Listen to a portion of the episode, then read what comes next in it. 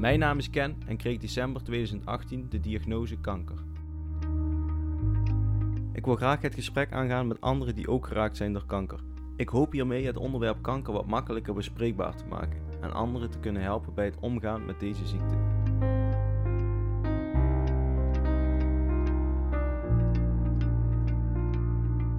In deze tiende aflevering ga ik voor de tweede keer in gesprek met Merlijn. Ik sprak haar eerder al in aflevering 8 over de palliatieve fase. En helaas is er voor Merlijn in korte tijd heel veel veranderd. Nog geen half jaar later zit ze aan het begin van de terminale fase.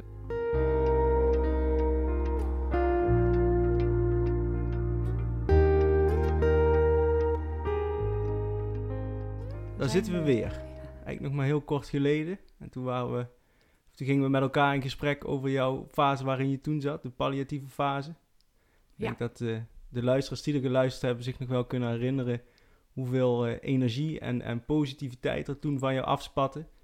Ja, Eh, er is in de tussentijd wel veel gebeurd. Ehm, ik ben ook, ik heb ook weer veel momenten van pijn gehad.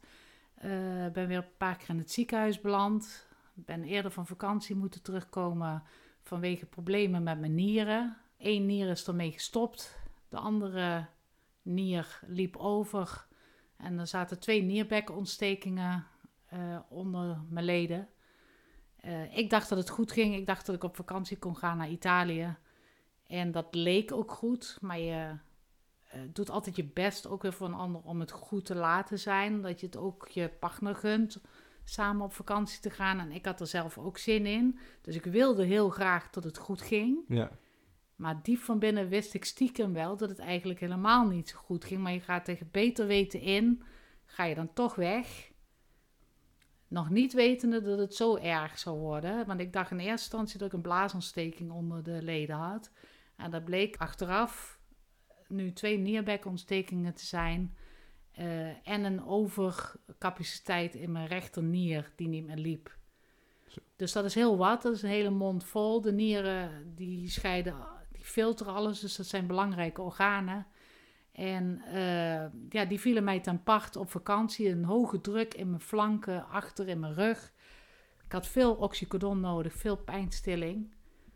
Maar ik heb die rit wel kunnen doen. En ik had ook veel mooie momenten van plezier. En dat waren de dagen, zeg maar, net voor mijn verjaardag. Ik zou mijn verjaardag gaan vieren. maar als In... we he- heel even teruggaan, die vorige podcast was in maart, als ik me niet vergis. En dit speelt zich af der- eh, 28 mei tot en met 5 juni. Is eigenlijk heel kort daarna, want je zou toen weer starten met een nieuwe chemotherapie. Of eigenlijk een chemo die Ja. je al, al had gehad, toch? Ja, en daar had ik ook heel veel hoop bij. Ja, ja. Die zou mij die ruimte geven in mijn buik tot alles van die zenuwen af zou halen.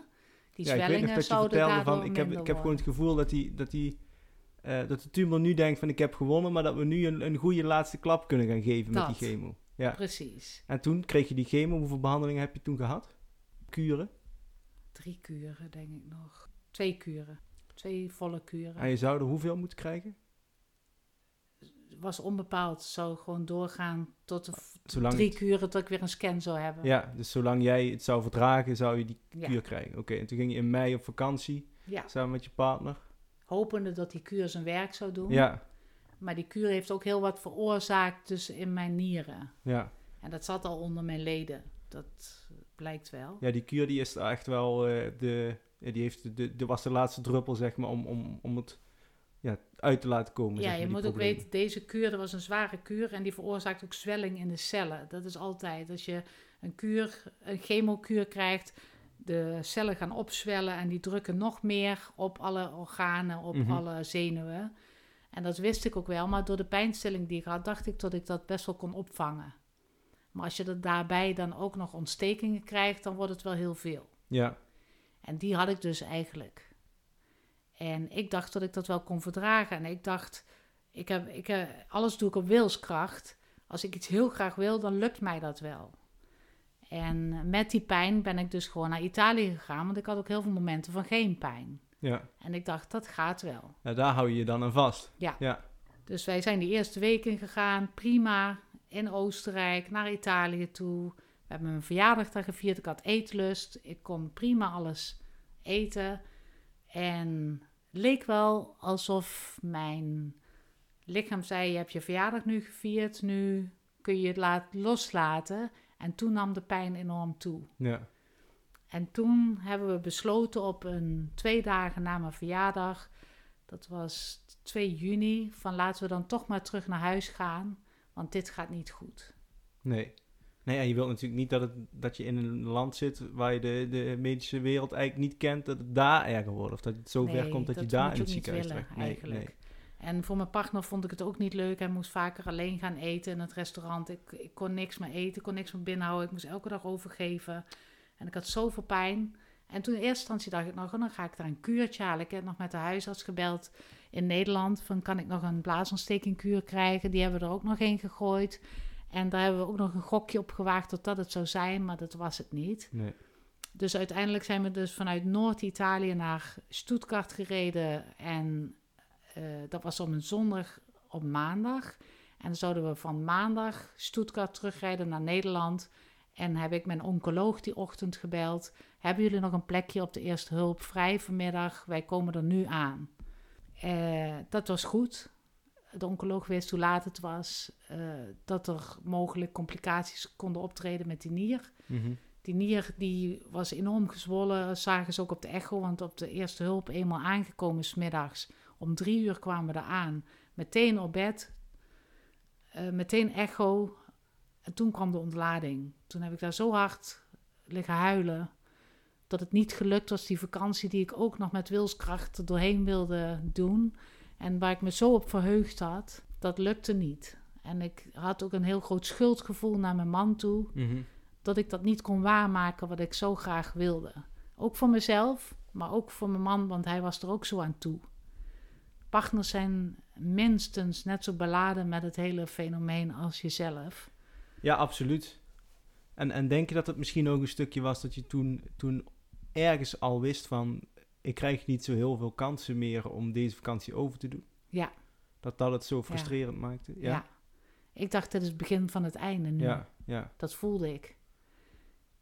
Enfin, heel veel onderzoeken later hebben ze me die dinsdag... heb ik een week in het ziekenhuis gelegen. Nee, eh kleine week.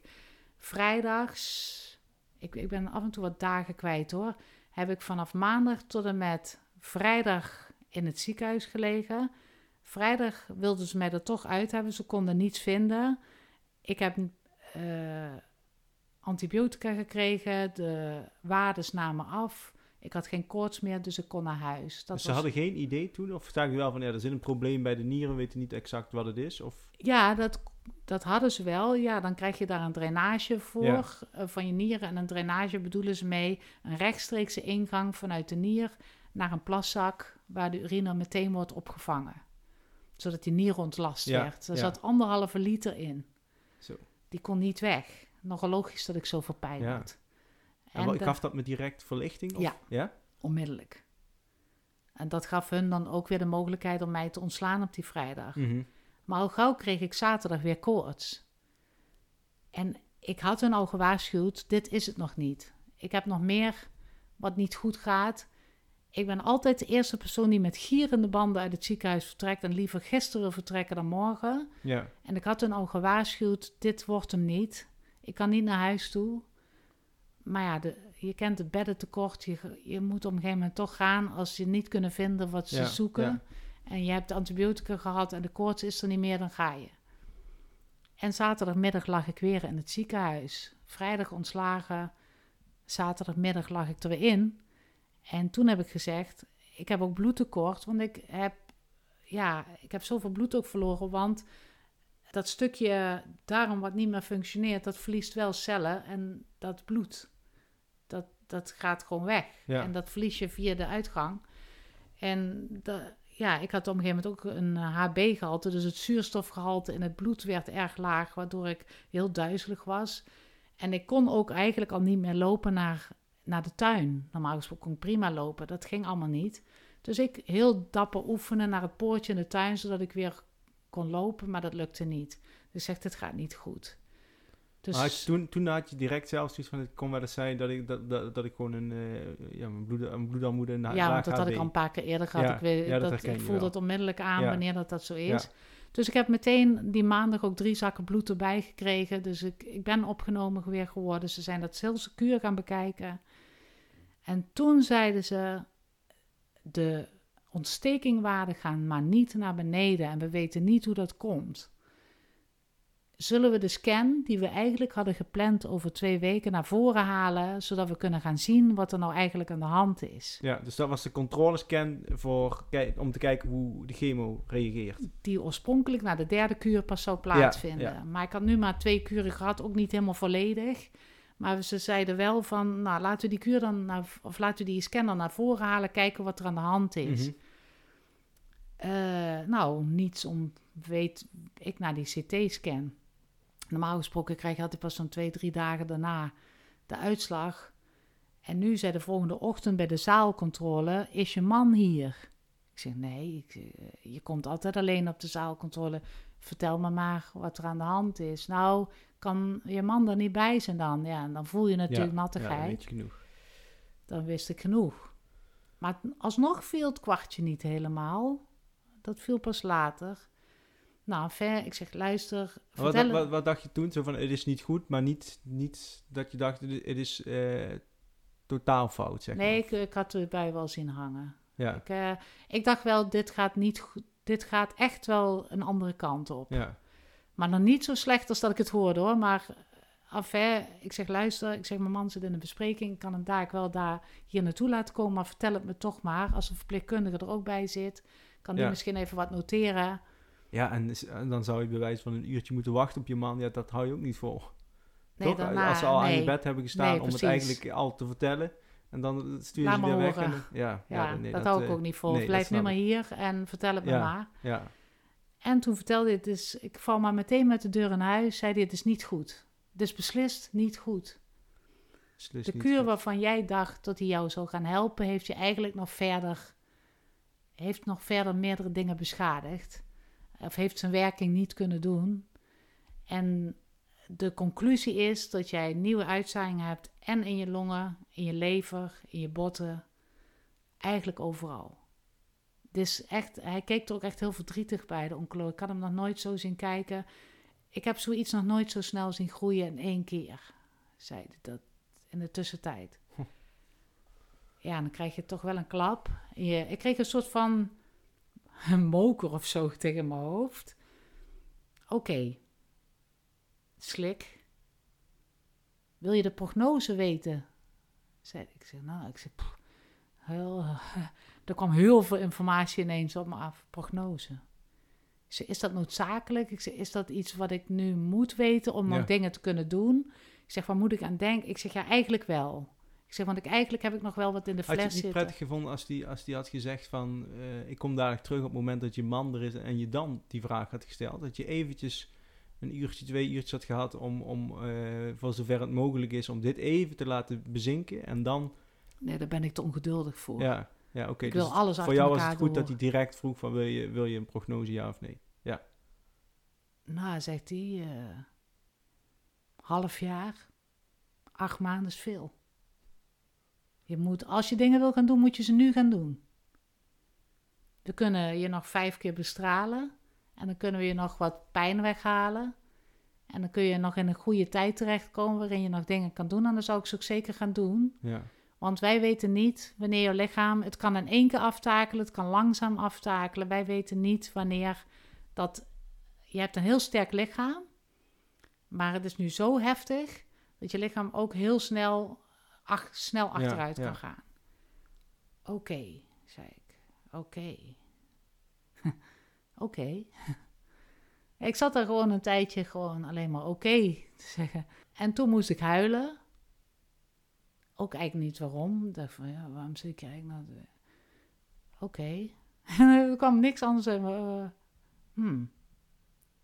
Emoties waren gewoon vlak. Was geen... Helemaal nump voelde ik me. Ja alsof ik leeg was van binnen. En toen kwam er een soort van golf van geruststelling. Door me heen, dat weet ik nog goed. Oké, dan hoef ik dus eigenlijk nooit meer bang te zijn voor een scan die slecht is, want die heb ik nu al gehoord. Ja. Dan is het dus nu, nu of nooit. dan hoef ik daar dus nu dadelijk ook niet meer bang voor te zijn. Dan is dit het. Dit is het dus. Dit is dus wanneer je het te horen krijgt, wanneer je een doodsvonnis te horen krijgt. Dus eigenlijk iets waar je de afgelopen jaren, ehm, en, ik denk dat eh, elke palliatieve patiënt, waaronder ik zelf, eh, dit wel kan beamen. Iets waar je altijd bang voor bent in die hele fase. Of waar je altijd tegenop kijkt dat dat moment gaat komen. Want je weet dat het gaat komen, maar niet wanneer. Op zich was ik er nog niet eens zo bang voor. Als wel, het gaat een keer komen en wat brengt dat dan teweeg? Waar, waar, hoe ga ik daar dan op reageren? En dat was nu het moment. Hoe reageer ik hierop? Ja. Ik zat helemaal vol. Heel, ik was leeg, maar ik zat ook helemaal vol. Dus ik dacht, dat moet ik dus dadelijk tegen mijn man gaan vertellen. En daar zat ik dus al mee. Ik was al meteen weer aan anderen aan denken. Dan niet eens aan mezelf. Dus eigenlijk wat je helemaal in het begin in de vorige aflevering ook vertelde... is toen je, toen je de diagnose kreeg, ging je ook direct... Uh, in de, in, de, in de aanpakhouding van we gaan dit doen en hoe gaan we dit doen. En uh, terwijl je nog niet eens ja, een, een half uur wist dat je, dat je überhaupt kanker hebt. Ja, dus, en dus, dat, die, dat stukje Merlijn kwam wel weer, kwam wel weer naar boven. De strijdlustige. Maar ook uh, de uh, Merlijn in mij die dingen kon gaan loslaten. Wat ik heel goed kan. Ja. Is dat dan denk je iets wat je in, toch, toch iets wat je in de afgelopen jaren, um, en wat heel logisch is denk ik, wat je opbouwt in die palliatieve fase? Je, je, weet, je, weet, je weet, je staat op en je gaat naar bed met het gevoel van ik weet dat er een keer een moment komt, uh, het begin van het einde. Ja. dat, je die, met die, dat je die spanning misschien opgebouwd hebt en dat het ergens in je lichaam toch prettig voelde dat er nu een, een, een rust over je heen kwam. Of prettig, maar stiekem heb je het altijd in je achterhoofd gehad wanneer dat zwaard van Damocles gaat vallen. Mm En hij is nog niet gevallen, want hij hangt boven je, maar dat hij eraan zit te komen. Hij is wel weer een stukje dichterbij. Hij is wel een stukje dichterbij. Stiekem heb je dat in je hoofd en nu was het een soort van geruststelling dat hij aanwezig, dat, dat het dan ook zo uitgesproken is. Ja. Uh, ik wist nog niet zo goed wat ik daarmee moest. Want de oncoloog ging weg met de verpleegkundige. Ja, is er nog iets wat ik voor je kan doen? Ik zeg, nou nee, ik zeg, ik moet nu eventjes nadenken hoe ik dat tegen mijn man ga vertellen. Want die is op de motor. Die moest vanuit het AMC oh. naar het VU komen. Die moet ik even voorzichtig hier naartoe brengen. Zonder dat ik uh, al te veel vertel, moet ik hem wel iets vertellen. Ik was echt uh, heel puzzeltje aan het, in mijn hoofd aan het vormen hoe ik dat dan ging doen heel pragmatisch weer. Ja, ergens wil je wel dat hij dat een idee heeft van hé, hey, er gaat iets komen. je wilt ook niet uh, zeggen van uh, dat hij met een heel vrolijk gevoel binnenkomt, want dat, dat, dat is ook niet goed. Maar ja, je stapt Lichtelijk wel, uh, voorbereid en toch veilig. En hoe heb, hoe heb je dat gedaan? Toen heb ik hem opgebeld. Luister Ed, ik heb nu net toch wel de scan gekregen, teruggekregen en het is niet goed. Maar dat ga ik niet nu vertellen door de telefoon. Zou je eventjes, of zou jij toch meteen hier naartoe kunnen komen? Rij voorzichtig. Uh... En dat was dus eigenlijk het eerste moment nadat je dit te horen kreeg, dat je ook daadwerkelijk uitsprak. Ja. En gebeur, wat gebeurde er toen met je? Nog niet zoveel. Nee, het is nog steeds weer surreal. Ja. Het is nog steeds weer alsof het een ander overkomt. Ja. Nog steeds had ik niet het gevoel van, nou, dit betreft mij in mijn botten, in mijn longen, weer in mijn lever. Dus het is toch waar wat ik voelde in mijn lichaam. Het mhm. klopte. Het was weer synchroon. Dus dat gaf me ook wel het gevoel dat ik weer kon vertrouwen op mijn lichaam. Want het, het voelde weer wat het teweeg bracht. En uh, de bevestiging meteen, die was er ook nog niet helemaal. Dus ik, ik zat ook weer tussen de aardappelen en de soep in. Ja. Zo. En toen was mijn man er. Hij, is toch, hij zei, prima, ik kom die kant op, ik weet wat je bedoelt. Ik rij voorzichtig en we hebben het er dadelijk wel over. Mhm. En toen kwam hij binnen eigenlijk al huilend, half huilend, want hij, hij voelde de bui hangen in de kamer. En toen heb ik het uitgestort bij hem, huilend van, het is zover. We zijn terechtgekomen in de terminale fase. Ja. Uh, het zit nu overal. Als ik nog wat wil, moet ik het nu gaan doen, want ik heb nog maar zes tot acht maanden hoogstens in deze vorm hoe ik nu ben. Ja. En dan kan het ook nog wat eerder zijn of wat later. Dat hangt ook een beetje af van de, van de therapie die ze dan nog willen geven. Ja, zegt hij, wat voor therapie willen ze dan nog geven? Ik zeg, nou, ze zijn van plan om nog vijf keer te bestralen en nog de dexamethason erbij te geven om de zwellingen te doen laten slinken, de ontstekingsremmer eh, erop te zetten. Want wat is nou gebeurd? De tumoren hebben al die ontstekingen teweeggebracht die nu in mijn nieren plaatsvinden. Want tumoren die veroorzaken ook ontstekingen. Ja. En dat is er nu aan de hand. Daar zijn ze nu achter gekomen. Dat is, en daar was ik ook wel blij om, want het was eindelijk een, een oplossing voor het probleem. Dus er was tweeledig. Ik wist nu wat er aan de hand was, maar hetgeen wat er aan de hand was, was wel heel ernstig. Ja. Maar het verklaarde wel meteen wat er aan de hand was. En dat daar ook iets aan gedaan kon worden nu, waardoor ik van de pijn af zou komen. Dat gaf mij ook alweer een Ja, dat- geruststelling. Ja, ja, dat geloof ik. Maar die harde klap, die kwam op een of andere manier nog steeds niet echt. Hij kwam wel, maar met hele... Alsof er iets versplinterd boven je glas... eh, dat langzaam facetjes binnendruppelen van... Ja, dit is het dan? Is dit het dan? Die was bijvoorbeeld nog niet te vergelijken met eh, dat moment eh, in de vorige aflevering vertelde je daarover dat je een- jaar geen scan hebt gehad door de corona. Ehm, en, en toen eigenlijk schoon was. En toen weer een scan kreeg en toen zagen ze dus dat, dat er weer vele uitzaaiingen waren. Toen vertelde je volgens mij wel dat die klap direct binnenkwam. Ja, En wa- wa- wa- was dat te vergelijken met dat moment of was dit weer totaal anders? dit was weer totaal anders. Ja. Weer een stap verder in het proces. Dus dat stukje grenzen verleggen, dat gaat maar door eigenlijk. Ja. Ja. Weer een stap verder in het proces, maar nu een stap die heel definitief lijkt. Ja. Maar voelde, had je er, ehm, want ze zeggen dan, hè, we doen nog vijf bestralingen, we gaan kijken met dexamethason om, om, om de zwellingen eh, te verminderen en dat soort dingen. Had je daar direct vrede mee of had je niet ergens nog in je zo van, ik wil nog eh, een studiebehandeling eh, proberen of ik wil nog eh, kijken wat ze in het buitenland kunnen of ik wil nog dat medicijn proberen of, of was dat... Nee, ik zei meteen toen hij zei van het is goed fout, dan stop ik nu alle behandelingen. Acuut heb ik dat gezegd. Ja, Want dan ga ik nu doen wat ik nog moet doen. Dat was precies wat ik zei.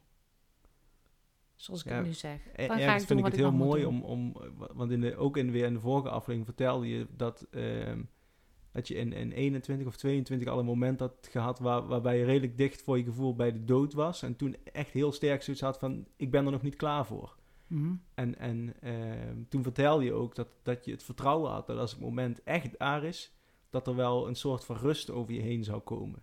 Ja, En eigenlijk hoor ik je dat nu wel, wel een beetje zeggen. In die zin wel die rust dat ik me nergens meer druk over hoef te Ja. maken of ik nog behandelingen nodig had. Het was nu duidelijk, heel duidelijk en ik hou van duidelijkheid.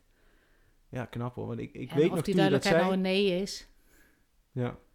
Nee ik kan me nog herinneren antwoord. toen je dat zei, dat, dat ik toen dacht van, oh, wat, wat, wat knap dat je dat gevoel kunt hebben. Ik zou willen dat ik, eh, wanneer ik dat bericht krijg van hè, de term- terminale fase is begonnen, dat ik het vertrouwen nu al kan hebben dat er dan een bepaalde rust over me heen komt. En de ene keer heb ik dat wel, en de andere keer heb ik dat ook absoluut niet. Maar jij zei dat toen al zo, zo eh, zelfverzekerd. En dat vind ik wel heel mooi dat, dat, ehm, ja, dat als het dan ook daadwerkelijk gebeurt, dat, dat het dan ook, ook daadwerkelijk zo is. En, en ja, ergens ook heel fijn om te horen ehm, dat dat kan. Voor mij als patiënt in de palliatieve fase fijn om te horen. Maar ook fijn om te zien dat, ja, dat het jou ook is gelukt. Ja, maar dat komt ook omdat ik nergens spijt van heb in mijn leven. Ja, Ik heb niks wat ik anders zou eh, willen doen. ja, Ik heb alles gedaan wat ik leuk vind. En ik ben natuurlijk eh 51. En ik heb mijn dromen waargemaakt die ik toen wilde waarmaken. Ik heb alles gedaan wat ik leuk vond. Eh, ik doe nu nog steeds wat ik leuk vind. En dat wil ik ook blijven doen. En ehm, ja, toen men zei dus dat ik nog die vijf bestralingen zou krijgen, had ik daar in eerste instantie niet zo heel veel vertrouwen in, omdat dat mij eerder wel al iets kapot had gemaakt in mijn buik. Dus daar was ik nog een beetje huiverig voor of dat mij dan nog die tijd zou geven die ik nog nodig had. mhm, Eh, maar toen ik eigenlijk de eerste nacht nadat ik de eerste dexamethason had, leek ik wel een phoenix die uit het vuur was opgestaan. Dat is zo magisch, dat middel, voor mij. Dat werkte zo ontzettend goed. Ineens kreeg Hoe ik lang is het geleden dat je het de eerste keer kreeg? Eh, na de prognose heb ik een week later de eerste dexamethason ingenomen. En dat betekent eind juni. Ja. Dus dat heb je nu al, uh, dus nu begin augustus, uh, dat heb je nu al een hele tijd. En, en is dat, blijft dat effect? Nou, ze zijn er wel heel voorzichtig mee. Want uh, op een gegeven moment houdt dat ook op met functioneren. Ja. Maar ik zit nu op de helft van de dosering. Dat moet je ook af en toe afbouwen.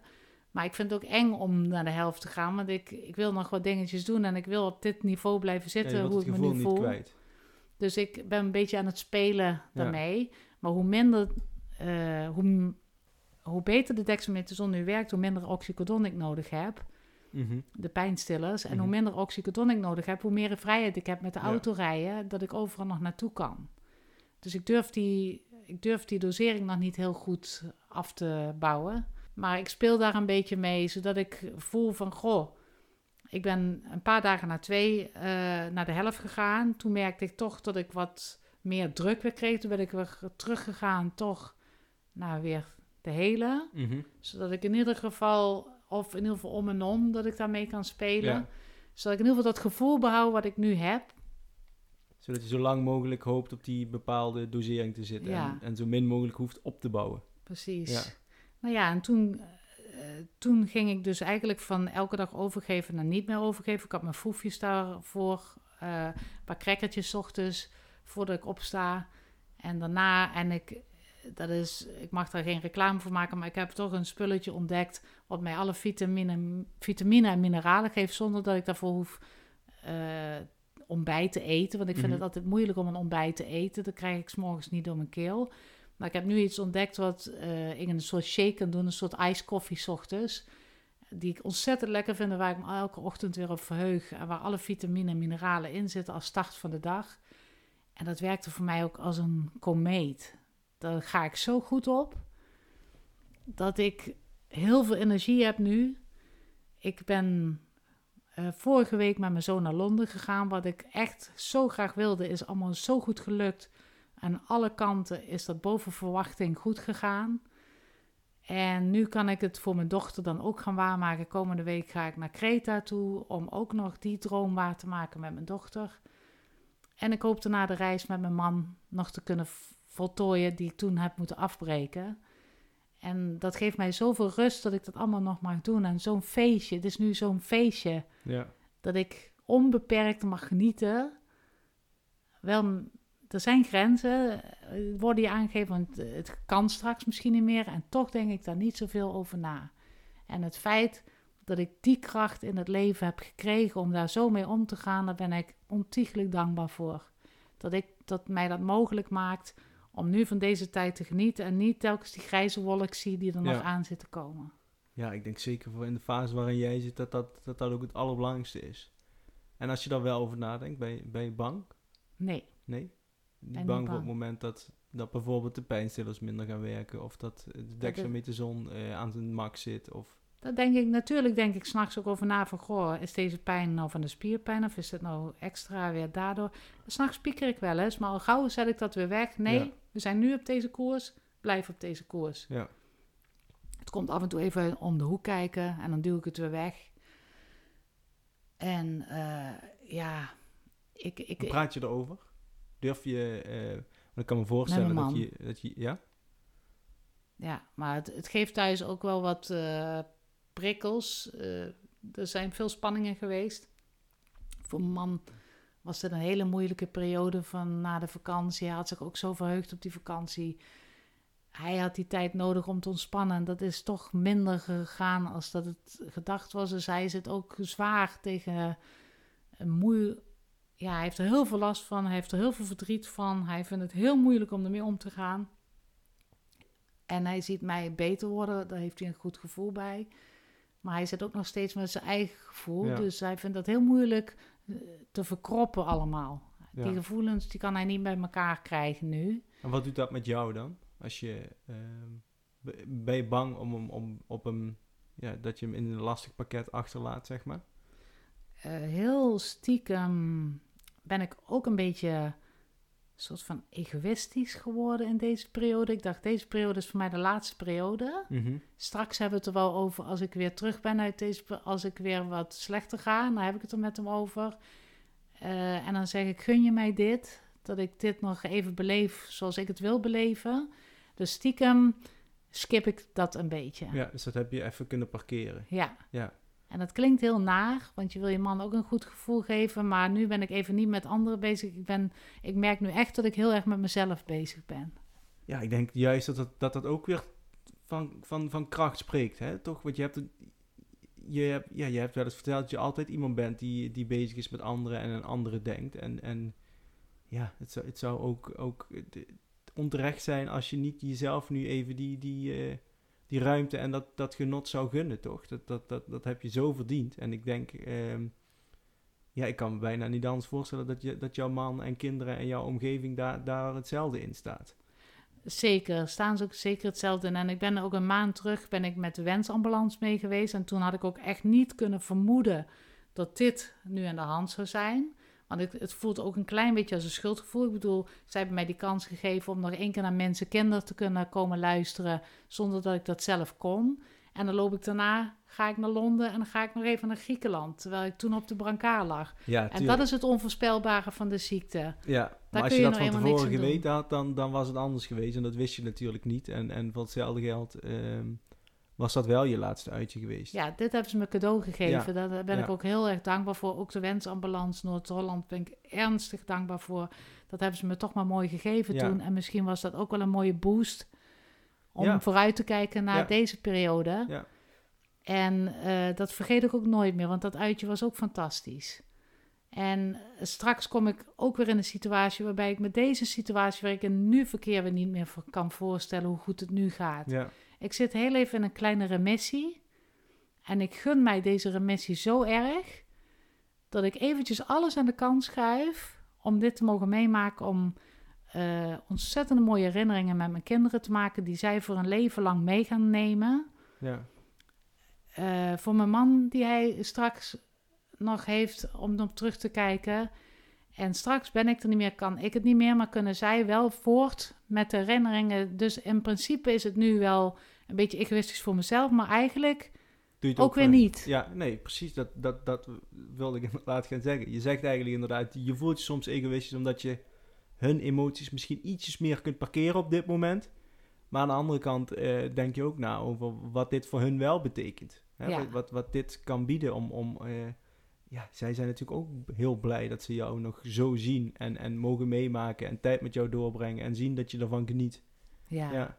En ik word elke ochtend wakker en dan denk ik echt, ik ben echt de gelukkigste vrouw van de hele wereld. Dat ik dit gewoon nu nog mag meemaken, dat ik dit cadeau krijg.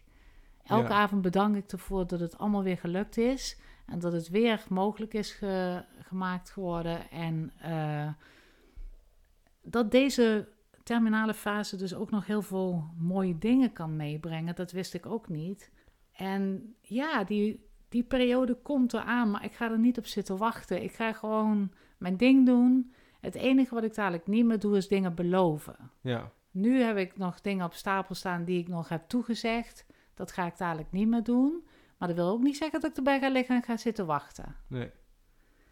Ja, en ben je heel erg bezig met, hè, de arts zegt dan uh, zes tot acht maanden. heb je dat heel erg in je hoofd of, of helemaal niet? Uh, aan de ene kant helemaal niet. En aan de andere kant heb ik zelf zo ontzettend in mijn hoofd, ergens februari, maart volgend jaar, dat het ergens het kaarsje uitgaat. Maar ik leef daar niet naartoe. Ik heb wel wel een soort van geruststellende gedachte bij dat ik dit jaar nog heb. En dan schuif ik dat een beetje vooruit het nieuwe jaar in. Ja. Dat ik geen 52 word, heb ik ook wel in mijn hoofd. Maar dat wil niet zeggen dat ik het niet word. Ik, ik heb het altijd wel een soort van luchtig gevoel nog in mijn hoofd van wie weet wat mij nog allemaal gegeven is. Misschien wel. Ja. Maar ik ga er niet meer op plannen. Ik bekijk dadelijk gewoon alles van dag tot dag. Nu eh, zit ik zo goed in mijn vel ik, ik kan wel echt van de daken schreeuwen. Je wordt er af en toe een beetje fatalistisch van. Want je gaat de rare dingetjes ook alweer doen. Dat is ook weer die, die stofjes die vrijkomen, mhm. waar je intens gelukkig van wordt. Maar toch heb ik het wel, ik ben echt wel realistisch. Ik weet heus wel dat het een keer ophoudt, maar daar wil ik me nu gewoon nog niet mee bezighouden. Maar voelt het dan een beetje zo als, als die stofjes die je, die je zegt, dat dat de stofjes zijn die je aanmaakt op het moment dat je weet dat je in de laatste fase van je leven zit. Ja. Ja? ja. Dus daar maak je nu heel dankbaar gebruik van. Ja, Die maak ik op. ja, ja. Allemaal. Gelijk heb je. En, Ja, ik kan me voorstellen dat voor de luisteraar en zeker voor patiënten die, eh, ja, dat zullen er hopelijk niet heel veel zijn die in de terminale fase zitten. Dus, de- want het geldt eigenlijk ook voor mij, iemand die, die weet dat hij nog in die fase gaat komen, dat het best bizar is, ehm, maar ook prettig om te zien dat, dat, dat je er nog zo aan kunt zijn in die fase. En wat zou jij ehm, een ander, bijvoorbeeld mensen uit jouw omgeving, ehm, mee willen geven? Want ik kan me voorstellen voor iemand die eh, de vorige keer toen je hier kwam, toen zat je in de palliatieve fase. Ehm, toen had ik ook een ander gevoel, maar toen je hier binnenkwam eh, als, als nu. Nu wist ik, we hebben elkaar al tussentijds nog regelmatig gesproken. Nu wist ik dus in welke fase je zit. En, en, en ehm, ik merkte aan mezelf ook dat ik daar meer over na ging denken. En ging denken van, hey, hoe zal het gaan met Marlene? Hoe ga ik daarop reageren, weet je wel? En ik kan me voorstellen dat, dat heel veel mensen om je heen dat zullen doen. Wat, is er iets wat je hun zou willen meegeven? Eh, ik heb ook niet precies een therapie ervoor, want ik ben heel dankbaar voor de kracht die ik als mens heb gekregen in dit leven om hiermee om te gaan. Dat is mijn gave, dat heb Mhm. ik gekregen, Absoluut. gelukkig. Eh, waar ik heel dankbaar voor ben. Ehm, en niet iedereen heeft dat gekregen, dus ik vind het ook heel moeilijk om dat als tip mee te geven. Maar ik kan alleen maar iedereen als tip meegeven om dankbaar te zijn voor alle momenten die je krijgt. Ook al zijn het soms niet zo'n fijne momenten, om toch elke dag ja, toch dankbaar te zijn voor drie dingen. Het is ook de wet van de aantrekkingskracht. Hoe meer je dankbaar je bent, hoe Ja. meerdere dingen op je pad komen. Of die nou goed of fout zijn, maar het geeft ruimte, het geeft inzicht. Dat helpt voor mij heel erg.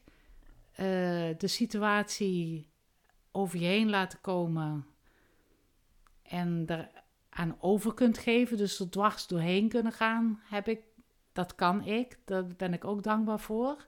Dat, ik weet ook dat niet iedereen daartoe in staat is, want ik hoor genoeg mensen die dat ook niet kunnen.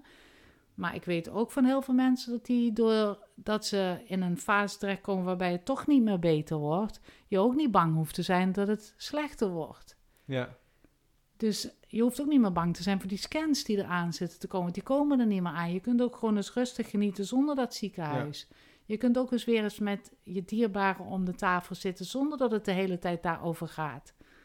En ehm, wat ik mee kan geven is in heel veel de dankbaarheid voor alles wat wel is. En niet voor wat niet ja en is. dat geldt eigenlijk voor, voor iedereen, toch? ja. Zonder überhaupt of je kanker hebt of niet. ja, Ehm, en eh, dat een terminale fase niet per definitie hoeft te betekenen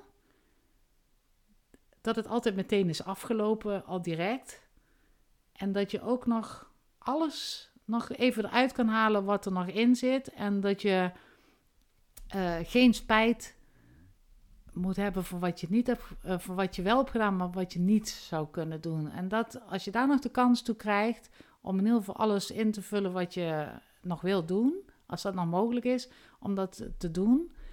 En eh, te genieten van elke dag die je gegeven is. En probeer niet te veel na te denken over het zwaard wat gaat vallen. Mhm. Maar de dagen die, heel goed, die wel goed gaan, daar alles uit te halen. ja. Dus, En dat is makkelijker gezegd dan gedaan. Ja. ja. Maar leef je nu ehm, elke dag alsof het je laatste goede dag is? Ja, Ja. heel intens. Dus je leef, leef je intenser dan in de fase hiervoor? Ja, blauwe, blauw is blauwer dan blauw en groen is groener dan groen. Alle kleuren zijn feller. Ehm, mijn gevoelens naar mensen zijn feller en geconcentreerder. Veel meer, ik voel veel meer liefde voor heel veel dingen. Voelde ik al, maar nu is het nog intenser. Ja. En de realiteitszin toch nog in je hoofd houden. Dus je hoeft niet helemaal door te slaan naar de andere kant. Maar ook het met rust kunnen laten, het los kunnen laten, gaan met de flow. En proberen om ook deze dagen, dat je je gegevens gewoon ja, lekker te kunnen genieten van het leven. En eh, ja, kijken En leef je nu dan, denk je, echt in de, in de kern die, die, die de mens in zich heeft? Ja. de puurste vorm van, Ja. van, van jou in dit puurste geval? vorm van gelukzaligheid. Ja. Ja, daar leef ik nu in. Dus ergens is het misschien voor, ehm, eh, met name misschien voor palliatieve patiënten, maar voor iedereen prettig om te weten dat, dat ehm, op het moment dat het begin van het einde is begonnen, dat dat naar boven kan komen. Dus dat is het, het, het, het mooie aan het begin van het einde. Hè? Het heeft natuurlijk verschrikkelijk veel eh, verdriet en angst en, en, en eh, emoties, maar dit, dit komt er ook bij. En ik denk dat dat voor heel veel mensen nog niet... eh, Ik vergelijk het een beetje met van in een stromende rivier springen of in een, van een rotsblok afspringen. Als je gesprongen bent, dan denk je, oh heerlijk water. mhm. Het is echt eh, goed dat ik die sprong heb gewaagd. Nu kan ik het laten gaan. Ja, maar even goed ook de angst van, oh, als ik daar spring, word ik dan wel opgevangen? Wordt het, eh, is het dan wel zo zoals ik het verwacht had dat het zou zo gaan? Want het is natuurlijk niks zo moeilijk als loslaten. ja, En ik denk dat hier een staaltje loslaten bij komt kijken, daar zeg je u tegen. hè? ja absoluut. En ik ben daar in mijn leven heel goed in geweest, altijd in loslaten. En nu is het tot de macht miljoen wat ik Ja. nu moet loslaten. En die kracht die ik heb gekregen in dit leven om dat te doen, ja, daar ben ik eh, gewoon heel erg dankbaar voor. En ik hoop dat heel veel mensen dat ook hebben. Dat die Ja. de- die kracht ook gaan krijgen, of hebben, of creëren. Ja, En die dankbaarheid die daarbij komt kijken, die helpt je door de laatste periode in. En want daar mag je natuurlijk ontzettend trots op zijn. Voel, voel je je ook trots met, Ja. met hoe je ermee omgaat? Ja, Ja, mooi. Ik, voel, ik ben heel trots op mezelf dat ik dit ook allemaal doe. Dat ik de wilskracht heb om door te zetten, nog nu ook om dit rond te breien allemaal.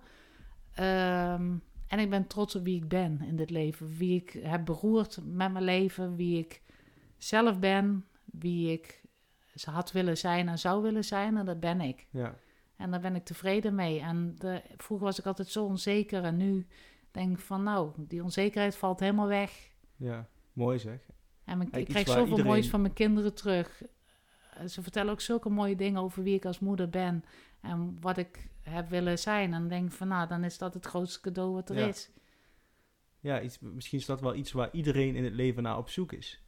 En jij bent veel te jong eigenlijk, maar je hebt het wel, ehm, dat stukje heb je wel bereikt. En dat is wel heel mooi eh, om te zien. Ja, en ik denk ook dat het daarin zit. Iedereen is op zoek, maar het zit gewoon in jezelf. En, Ja. je, en als je het buiten jezelf zoekt, dan ben je een puzzelstukje aan het zoeken die, de- die je nooit Ja, gaat precies. vinden. Ja.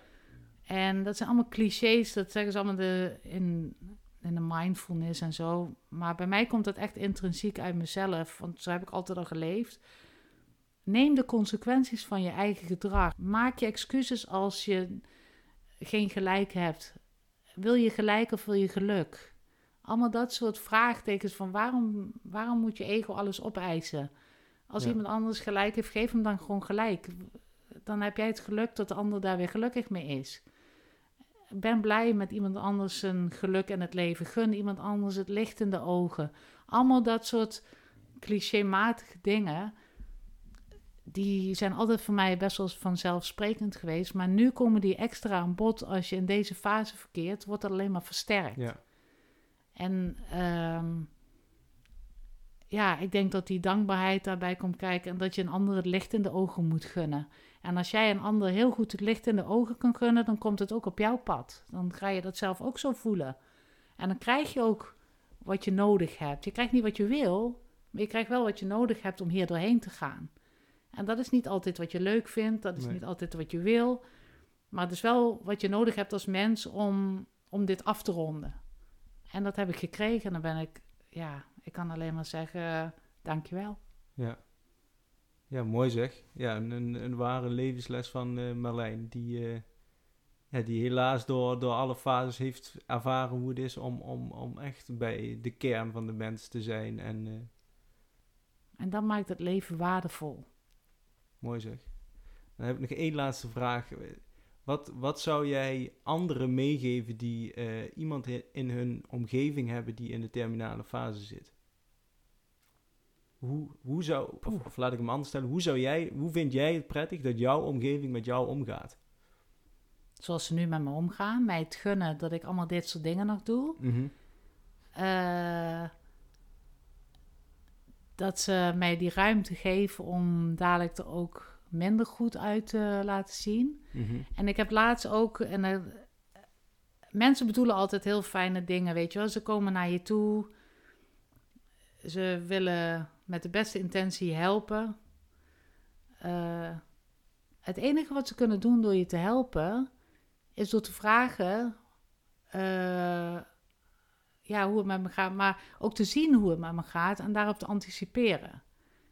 En Ja. niet meteen door te trekken in het negatieve of door te trekken naar hun eigen eh, verhaal wat ze erbij hebben, maar te zien wie je bent. Dus echt goed te kijken naar wie je bent en hoe je erin staat en daarin je te ondersteunen. En dat ondersteunen betekent dus dat, dat jij er mag zijn met hoe je je voelt. En dat het dadelijk ook minder mag zijn. En dat ze er gewoon altijd voor je zijn, nu en ook daarna als het wat minder is. En eh, ja, dat ze dus in je waarde laten.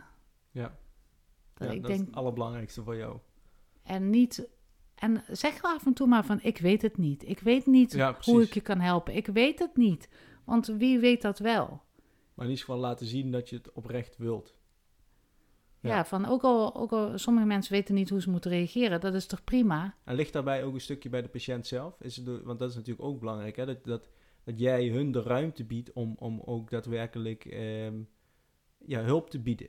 Als jij, ehm, stel ze bieden jou eh, hulp, dat kan zijn praktische of, of ze willen bij jou langskomen, maar jij eh, kapt dat af.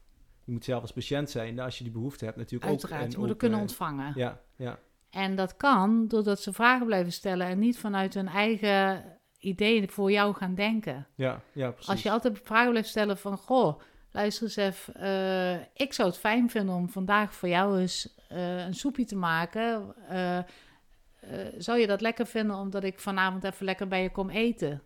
Ja, Of heb je nog eetlust, zou je dat samen met mij willen doen? Want ik zou dat heel fijn vinden om dat samen met Ja. jou te doen. Dan kun je altijd een antwoord geven ja of nee. Of vanmiddag wil ik graag langskomen, maar ik weet niet zo goed wat ik moet zeggen, maar ik wil er wel voor je zijn. ja, En dan sta ik altijd voor open. ja, Altijd. En ik heb ook tegen mijn man gezegd, als ik daar in die fase terechtkom, dat ik eigenlijk echt nog op mijn bed ga liggen, dan zou ik het heel fijn vinden om een zoete inval thuis te hebben, dat iedereen ook vrijblijvend langs kan komen, dat ze zelf ook de grenzen weten aan te geven, dat je gewoon niet te lang kan blijven. En ik hoop dat mensen zelf na blijven denken van hoe zou ik het zelf voelen als iemand ja. eh Ja, lang dat is natuurlijk komen. wel heel lastig, om niemand kan begrijpen... eh, Nee, hoe lang lang is. Nee, en, en, en, en ja, hoe, hoe, hoe je je zou voelen in, in die, die Ja. laatste fase. Dat is waar. Maar dan kun Ja. je altijd nog... Je kunt altijd een app sturen voor... Ja, is het gelegen tuurlijk. dat ik even langskom? Want ik, ik wil je heel even zien. Ik hoef niet veel te zeggen, maar ik wil je gewoon heel even zien. Ja, ja, zeker. Echt vragen blijven stellen. Dus niet invullen voor de persoon, maar vragen blijven Nee, stellen. maar ja, als je gaat invullen, we zeggen het eigenlijk, het is, het is onmogelijk om te begrijpen hoe iemand zich voelt in deze fase. Ja, dus dat is dus eigenlijk waar. is het ook onmogelijk om te gaan invullen. Ja, Hè? Terwijl het, het, het vaak wel, eh, ja, het regelmatig gebeurt. ja. Ja, ja, ook Maar- omdat mensen zich daar zelf natuurlijk prettig bij voelen. Want die weten ook niet zo goed hoe, ze moeten reageren. En dat snap ik. En dan zeg je gewoon, ik weet het niet. ja. Maar ik, wil je, ik denk wel aan je en ik wil je wel graag zien. Ja, ik weet het niet. Is, is, is voor, voor jou dus, en ik denk voor veel patiënten, eh, fijner om te horen dan dat je niks hoort. Niks hoort of allemaal tips krijgt. Ja, Hoe je ermee ja, om moet gaan. Ja, ja. Dat vind ik nog irritanter misschien wel. Van, eh, dat je tips krijgt hoe je daarmee om moet gaan. Alsof, alsof degene die dan de tip geeft weet hoe het dat in elkaar steekt. Ja, precies. En, en iedereen doet het op, op, op zijn eigen manier. En er zijn zoveel verschillende manieren om met iets om te gaan. Ja, Ja. Dus, maar ik vind eigenlijk dat mijn mensen in mijn omgeving heel goed met mij omgaan. Omdat ik gewoon heel goed zelf kan aangeven hoe ik het wil. Ja, En ik denk dat daar ook de sleutel in zit. Absoluut. Ja. ja, dat denk ik ook. Dus, dus, dus ja, is dat ook weer een boodschap naar patiënten toe. Van stel je ervoor open. En als je dat niet wilt, laat dat ook eh eh, blijken. eerlijk. Ja, ja ben daar eerlijk in. Ja. Ja. Ja, en voor de, voor de naasten die er, die er omheen staan, is het gewoon belangrijk. Laat merken dat je er echt wil zijn. Ja, En, en, en geef ook een keer eh, toe aan het feit als, als je niet weet hoe. Maar ja, ga je daardoor niet verstoppen. ga je niet verstoppen of blijf weg. Eh, wat ik ook altijd fijn heb gevonden, appjes van ik denk aan je. Ik weet Ja. even niet zo goed wat ik nu moet zeggen, maar Ja. ik denk wel aan Ja. je. Dat vond ik altijd prettig. Ja, dan alleen al dat gevoel dat je weet van, oh, ik, ik, ik, eh, hè, uiteindelijk moet je het zelf doen en zelf ondergaan. Maar dat je weet van, ja, er zijn nu mensen die, ja, die, die, die eh, hun best doen om te begrijpen wat ik doormaak, die aan me denken. En ja, dat, dat, dat kan al heel veel doen. Ja, het is ook zo surreëel. Hè? Ik zit hier tegenover je blakend bijna van gezondheid als iemand zou niet weten dat ik het heb. Nee. En van binnen word je dan opgegeten door de Ja. ziekte. En ik weet heel goed dat het niet goed gaat. Maar ik zit hierbij alsof, er- alsof er niks aan de hand is. En dan is het ook zo moeilijk voor te stellen dat je daar in die fase komt. eh, want dat is weer een stapje verder. Dat je bed leegerig wordt en Ja. dat je achteruit gaat. En dan hebben we dit maar mooi gehad. Ja. Ik ben Pak niemand meer van ons af. Nee, precies. Ik ben in ieder geval heel blij om te zien dat ik, dat ik diezelfde kracht en, en misschien wel nog meer kracht in, in jouw ogen zie. En eh, dat ziet de luisteraar dan natuurlijk niet, maar die, die ik ook zag in, in begin dit jaar toen we, toen we die aflevering opnamen. En die, ja, dus het is bewon- bewonderenswaardig om te zien eh, dat die kracht er gewoon nog steeds is. En misschien zelfs wel sterker wordt nadat je zo'n heftig bericht hebt gekregen. Ja, ja, dat denk ik ook wel, ja. Dankjewel daarvoor Marlijn. En eh, ik hoop echt dat de luisteraar hier ook ja, een klein inzicht heeft gekregen om, om, over hoe het is om, om in de terminale fase te zitten. Tot nu toe eh, gaat hij goed. Ja, ja. Dankjewel Marlijn. Dankjewel. Bedankt voor het luisteren naar aflevering 10. Ik realiseer me maar al te goed dat niet voor iedereen het begin van deze terminale fase er zo uit zal zien. Maar het is bewonderingswaardig om te zien hoeveel positieve energie Marlijn nog steeds heeft. Ik begrijp ook dat dit mede komt door het feit dat ze zich nu nog zo goed voelt, maar ik hoop dat het krachtige en het heftige verhaal van Marlijn jou als luisteraar enigszins een beeld geeft van hoe het begin van deze terminale fase eruit kan zien. Voor mij persoonlijk was het mooi en heftig om met iemand in gesprek te gaan die al in deze fase zit. Een fase waar ik en ik denk nog vele andere palliatieve kankerpatiënten tegenop zullen kijken. Hopelijk kunnen we allemaal een beetje kracht halen uit het verhaal van Marlijn. En Marlijn, nogmaals dank voor dit mooie gesprek en je openheid. Ga zo door en ik wens je het allerbeste in deze fase. Ik ben erg benieuwd wat jij als luisteraar vindt van deze aflevering. Onder de aflevering kun je op Spotify een reactie achterlaten. Of mocht je vragen of een opmerking hebben, stuur dan gerust een mail naar ken.kankerpraat.nl.